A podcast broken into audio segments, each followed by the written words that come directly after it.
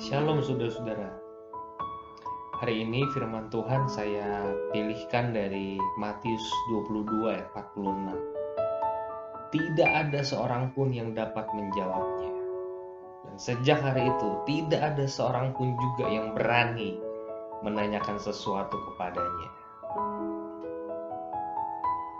Yesus dijebak. Kira-kira itu yang ada di pikiran saya memikirkan ayat ini. Ceritanya begini, saudara. Orang Saduki datang sama Yesus nanya soal perkawinan. Ada tujuh orang kakak beradik menikah sama satu perempuan. Gara-gara kakak-kakaknya meninggal satu demi satu, digantikan oleh adiknya, digantikan oleh adiknya, terus menerus. Nanti di kekekalan suaminya siapa? Begitulah tradisi Yahudi Yesus menegur mereka. Yesus mengatakan bahwa Allah Abraham, Ishak, dan Yakub bukanlah Allah orang mati, melainkan Allah orang hidup.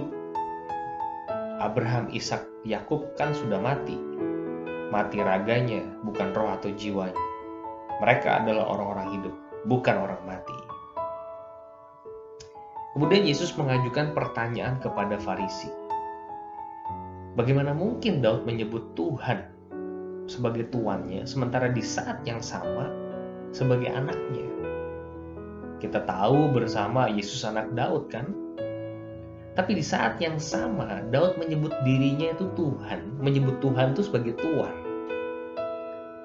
Saudara, karena hal ini tidak bisa dijawab sama orang Farisi, narator mengatakan tidak ada seorang pun yang dapat menjawabnya. Dan sejak hari itu tidak ada seorang pun juga yang berani menanyakan sesuatu kepadanya. Saudara saya pribadi coba menjawab pertanyaan Yesus. Saya kok merasa sebetulnya bisa saja ya menjawab pertanyaan itu. Yesus adalah keturunan Daud, maka ia disebut anak Daud. Tapi meskipun Yesus secara fisik hadir di dunia setelah Daud, Yesus tetap Allah yang adalah roh yang sudah ada jauh sebelum Daud. Di sinilah letak keajaiban Allah dan kuasanya. Saya merasa perenungan saya di sini kembali kepada Farisi Saduki dan seluruh ahli Taurat. Mereka tuh nggak mau percaya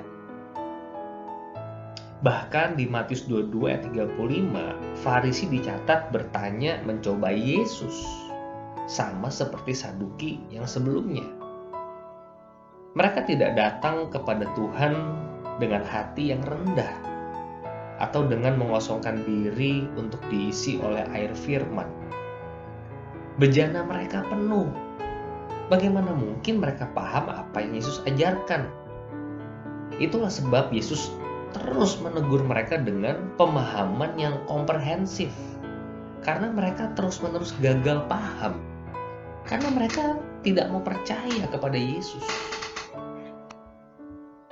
Saya kembali diingatkan oleh Tuhan bahwa memahami pengajaran-pengajaran Kristus di dalam Alkitab harus dilakukan dengan kerendahan hati. Sulit kita mendapat pengertian apabila kita mendekati firman dengan skeptis Meskipun saya sadar bisa saja Tuhan menyatakan dirinya kepada orang-orang tertentu yang skeptis. Tapi saya melihat korelasi antara sikap hati dan pemahaman adalah sesuatu yang patut kita pikirkan. Saudara perhatikan deh ayat ini. Sejak hari itu tidak ada yang berani bertanya. Aneh kan? Padahal Yesus kan gak apa-apa ditanya terus. Dia jawab kok. Bagi saya ini menunjukkan bahwa mereka belum menemukan celah untuk menjatuhkan Yesus dalam isu-isu lain. Kenapa nggak berani nanya? Bingung mau ngejatuhin dari aspek mana lagi? Saya percaya mereka bukannya nggak ada pertanyaan-pertanyaan teologis. Masalahnya bukan di informasi teologis yang minim, melainkan di momentum yang tepat untuk menjatuhkan Yesus. Sebab semua amunisi mereka mudah dipatahkan Yesus. Saudara, doa saya saat ini, Tuhan Yesus Berikan aku hikmat memahami kalimat-kalimatmu, memahami Alkitab. Ampuni kalau aku sesungguhnya tidak percaya kepadamu, dan hal ini menjadi penghalang. Tolong aku ya Tuhan mengenalmu lebih dalam, memahami pengajaran-pengajaranmu lebih sempurna. Dalam nama Yesus. Amin.